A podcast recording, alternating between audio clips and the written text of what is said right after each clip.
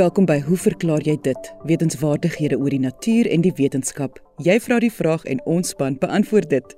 My naam is Lise Swart en ons paneelkenners vandag is teoretiese fisikus professor Hendrik Geier en dierkundige professor Sewil Daniels. Onthou as jy 'n vraag het, stuur jou e-pos direk na my, lise@rsg.co.za. Jy mag skryf onder 'n skuilnaam of vra om anoniem te bly. Johan Melan van George vra die eerste vraag van die dag en teoretiese fisikus professor Hendrik Geier gaan dit vir hom beantwoord. Johan vra: Hoe kan dit so moeilik wees om rubber oor gladde glas te sleep as wrywing deur oppervlakwrywing veroorsaak word? Professor Geier Môre luisteraars en dankie Johan vir 'n fyn waarneming en 'n interessante vraag, die kwessie van rubber oor gladde glas en jy sê nou nie hoe hierdie vraag by jou ontstaan het nie. Uh, ek kan my voorstel dit is iets wat ons dikwels mee gekonfronteer word, naamlik as jy jou motor se ruitveers aanskakel um, vir watter rede ook al per ongeluk of voordat jy 'n bietjie water op die ruit gespuit het, dan kom jy agter dit gaan maar met 'n redelike gekrappery gepaard en daardie veers beweeg definitief nie net eenvoudig glad oor die glasoppervlakte nie ten spyte daarvan uh dat dit glad is.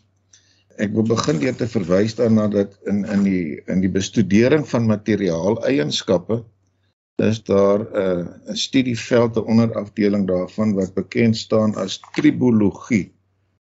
Uh dit is of dit verwys eintlik na die bestudering van van wrywing, smering, uh en verwering in die algemeen. Tribologie waar kom hierdie woord vandaan? Wel is dit is Griekse oorsprong tribo is om te vryf of ek vryf en die logia wat uiteindelik in Engels logi of in Engels logie word is maar eenvoudige kennis van of 'n studie van die onderwerp wat besprake is. So uh interessant genoeg die die term tribologie is 'n relatief onlangse konstruksie uh, vir die eerste keer gebruik in 'n verslag in 1966 wat ene Pieter Joost uh, vir die Britse regering gepubliseer het en dit het gehandel oor die effek van wrywing, verwering en roes op die ekonomie op die Britse ekonomie in daardie tyd en die syfer waarmee hy tevore gekom het was dat uh, gegee die stand van sake het dit die uh, ekonomie 'n goeie 1.5% omtrent gekos. So die koste van van wrywing, verwering en roes uh, was relatief hoog geweest. Um, die verslag het eintlik al sinoniem met die met sy naam ver, geword, die sogenaamde Joost verslag. In elk geval dit is waar die woord tribologie vandaan kom. Uh die woord is is relatief jonk, maar die bestudering van wrywing gaan so ver terug soos niemand minder nie as Leonardo da Vinci. 'n Mens lees dat hy in sy notaboeke uh, al in 1493 basies verstaan het hoe 'n mens 'n uh, wrywing kan kwantifiseer. Sal nou terugkom by wat dit beteken. Uh, hy het dit nie gepubliseer nie. Uh, die werk van publikasie was in elk geval ook nie so gestandaardiseer op daardie stadium nie en dit het 'n goeie 200 jaar geneem voordat 'n Fransman na van Guillaume Amateurs eintlik 'n herontdekking van hierdie wetmatigheid neergepen het en sy naam word nou met sogenaamde drie wette vir droë wrywing geassosieer. Nie baie mense uh, gebruik hierdie terminologie of verwysing nie, maar dit dit, dit is gedokumenteer en en die drie aspekte wat hy beklemtoon het is die feit dat die wrywingskrag tussen twee liggame wat of net in kontak met mekaar is of oor mekaar gly of skuur is eweredig aan die normaalkrag wat op die liggaam wat nou potensieel gaan skuur of reeds aan die beweeg is uitgeoefen word. Nou die normaalkrag is nou iets wat loodreg is op die kontakoppervlak en normaalweg is hierdie normaalkrag niks anders as die gewig van die voorwerp wat gaan gly of staties op 'n ander een lê nie. Nou ons weet dat as 'n mens sê nou maar jy het 'n staalblok uh, wat op 'n stuk staal lê as jy die die oppervlak waaroor die beweging gaan plaasvind begin kantel uh, dan sal daar 'n punt kom aanvanklik sal die sal die boonste blok nie beweeg nie en dan sal daar 'n punt kom waar hy skielik begin beweeg en dan verder beweeg en wat 'n mens kan aflei hiervan is dat 'n mens ook moet onderskei tussen tussen die wrywingskrag vir 'n statiese situasie en die wrywingskrag wat ter sprake is wanneer twee goed inderdaad relatief tot mekaar al beweeg. So die eerste punt wat wat De Vinci en Amontons uh, beklemtoon het is dat 'n mens die grootte van die wrywingskrag kan kodifiseer om dit so te stel en daarvoor het jy niks nodig of niks meer nodig as om net te weet wat is die normaal krag tussen die twee oppervlakke wat aan mekaar raak nie. In die eerste plek is daar met ander woorde 'n 'n eweredigheidskonsstante wat vir jou sê die wrywingskrag se grootte is een of ander konstante vermenigvuldig met die normaalkrag. Nou die twee goed werk natuurlik in verskillende rigtings. Die normaalkrag werk loodreg op die tussenvlak en die wrywingskrag self is 'n is 'n krag langs die bewegingspad uh, of die potensiële bewegingspad. Die tweede punt wat wat hierdie uh, mense toe al ingesien en beklemtoon het is amper teenintuïtief hang die grootte van die wrywingskrag nie af van die grootte van die op van die kontakoppervlak nie Om nou weer terug te kom tot by tot die voorbeeld wat ek genoem het, sê nou maar jy het 'n staalblok. Ons neem nou maar aan 'n reghoekige staalblok met 'n groterige plat kant en twee kleiner sykante wat jy oor 'n stuk staal wil skuif.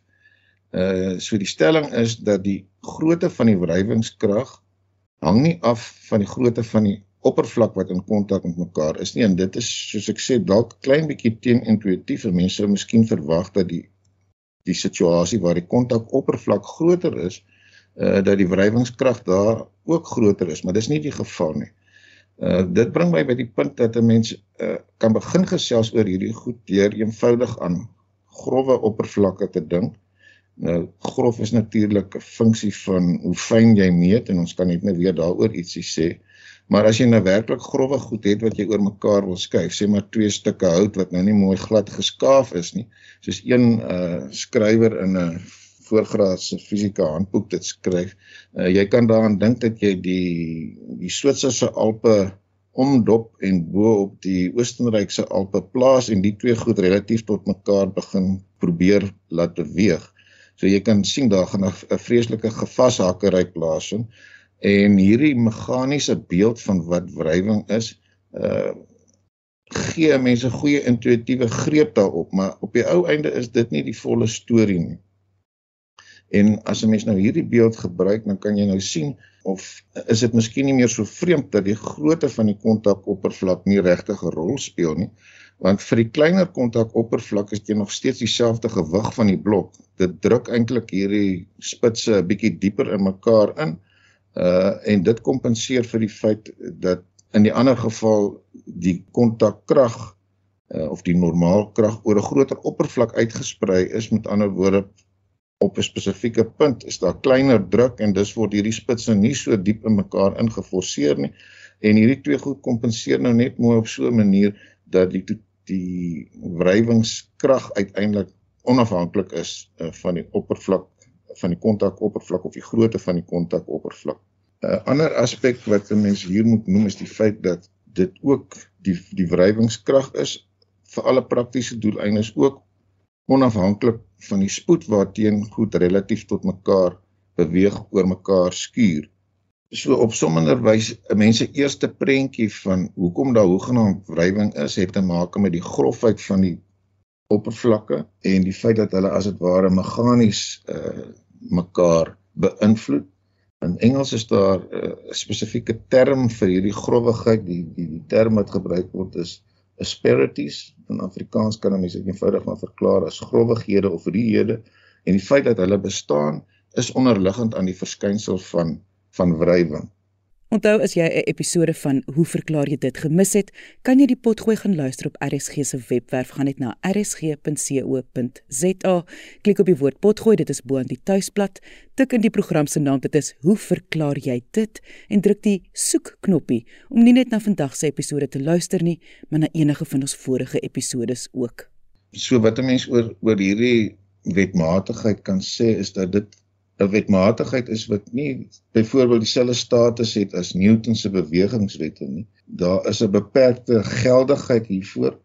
Uh die feit dat die wrywingskrag direk eweredig is aan die normaalkrag geld tipies by kom ons sê maar nie te hoë of nie te lae relatiewe spoed van die twee oppervlakke wat oor mekaar skuur nie en daar's nog 'n hele paar ander kwalifikasies wat 'n mens uh, kan noem die die punt is net hierdie is 'n is 'n is 'n beskrywende fenomenologiese samevatting van waarnemings en nie iets wat noodwendig op uh, mikroskopiese analise gebaseer is. Nou goed, kom ons praat nou 'n bietjie oor die mikroskopie van van wrywing.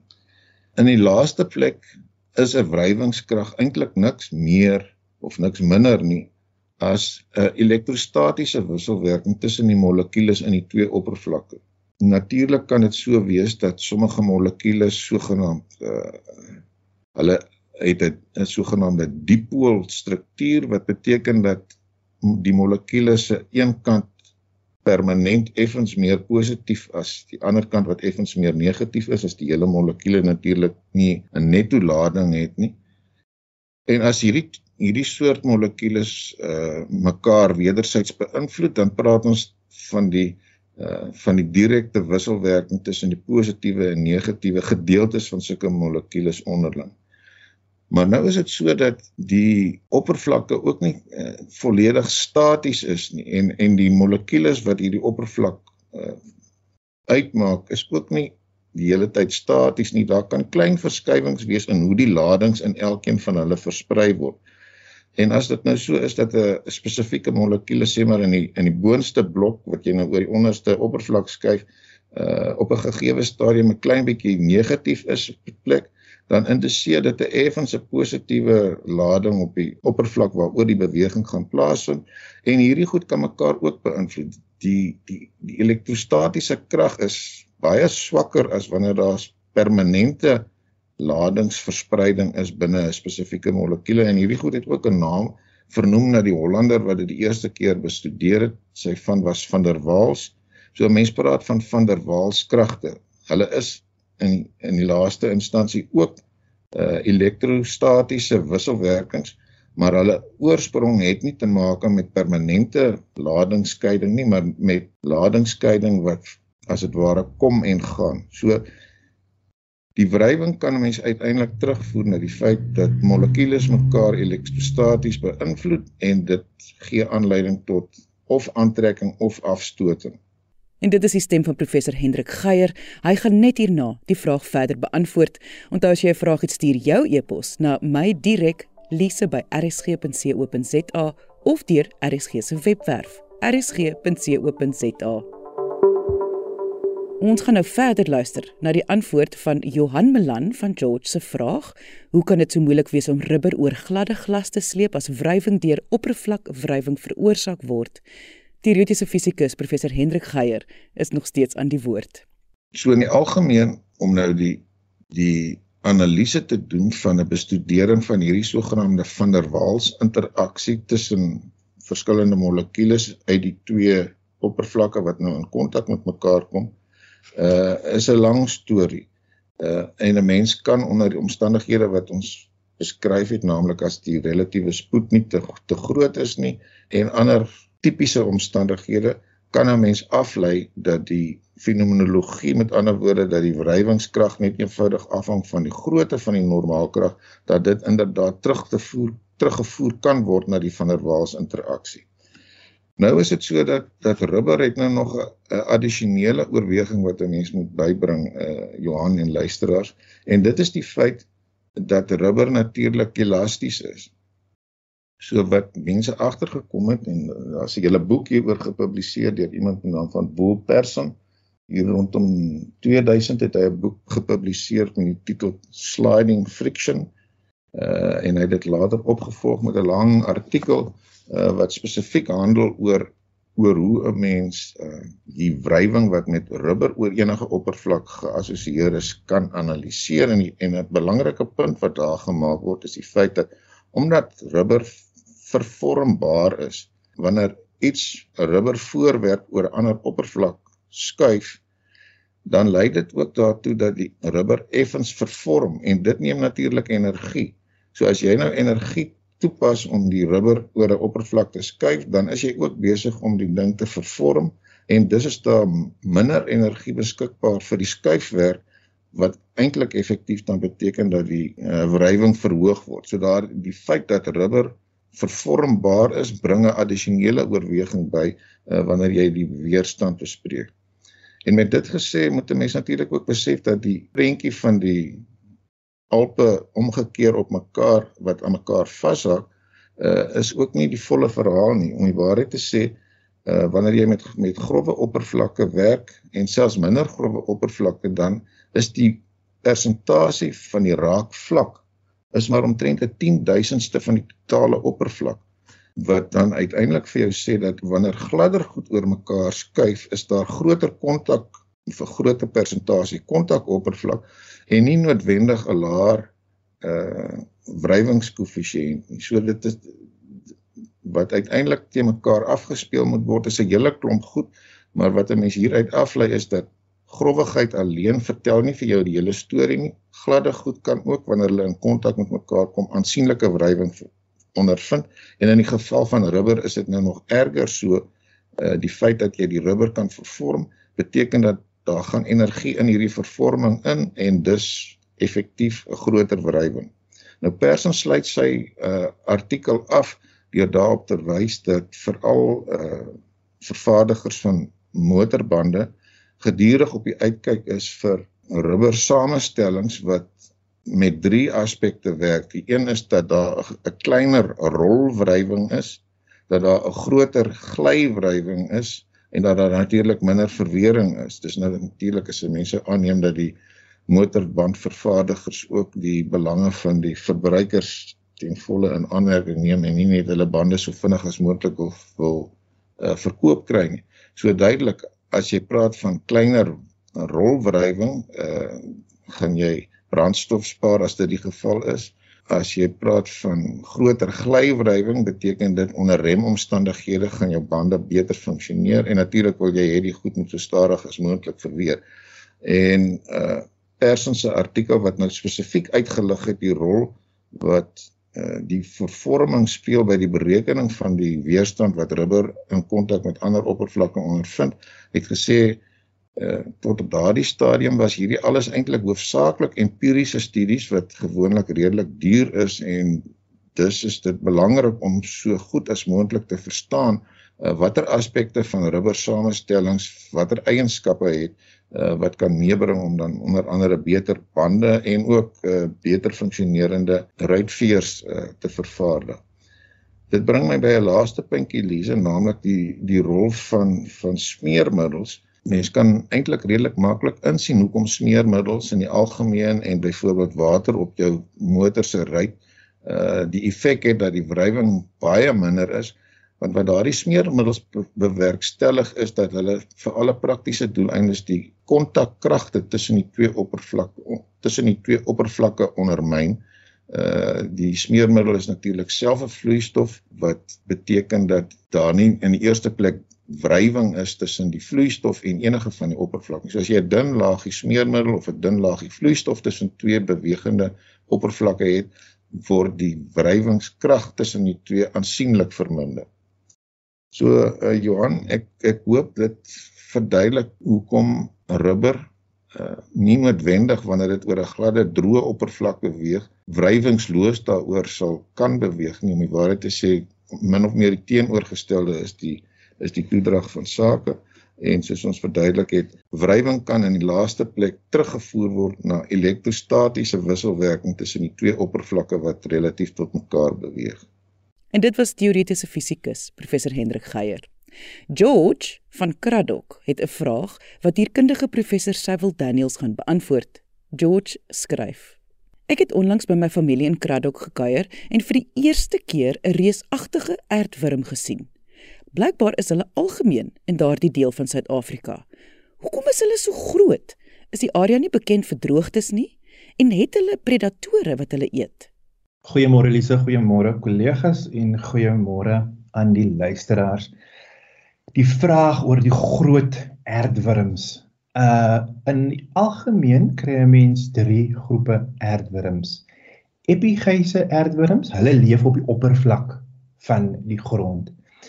Endogeese aardwurms, hulle leef in die grondkolom tot omtrent so 30 cm en hierdie anesiese aardwurms, hulle lewe diep in die grond. Nou hierdie groot aardwurms is 'n klassieke voorbeeld van 'n anesiese aardwurm. In Afrika behoort hulle aan die genus Microchetus en hierdie is dan nou natuurlik naverwant of dit behoort in die film Annelida. Met ander woorde, hierdie is nou soos ons in die ou dae op skool geleer het, gesegmenteerde wurms. Nou wat is die kenmerk van gesegmenteerde wurms? Wel, hulle is almal silindries vormig. Hulle het 'n geslote bloedvatstelsel. Daar is gewoonlik 'n anterieur gedeelte en 'n posterieur gedeelte. Met ander woorde in eenvoudige Afrikaans, daar is gewoonlik 'n kopgedeelte en 'n stert gedeelte. Ehm um, nou hierdie microchetus spesifiek kan tot 2 meter lank word. Maar daar is rekords van die Ooskaap uit King Williamstown waar hulle diere gevind het wat tot 7 meter lank kan wees. Dit is nogal 'n aardige storie. Die dier kan ook gemiddeld 1.5 kg weeg en hulle kom natuurlik in die Karoo sowel as in die Oos-Kaap voor waar die diere gewoonlik hulle hele lewe ondergronds spandeer, maar hulle kom wel na die oppervlakte na swaar reën. Hulle is 'n gesogte prooi item van goue mole. Um en word ook soms wanneer mense nou hulle raakloop net soos ander Annelida gebruik as 'n uh, aasbron deur vissermanne. As mense dink aan ander um gesegmenteerde wurms wat die mense by die kus gewoonlik kry, soos die bloedwurms, um is hulle dan ook gesog onder vissermanne om hulle te gebruik om vis mee te vang. Nou uit 'n uh, ekologiese perspektief is aardwurms belangrik.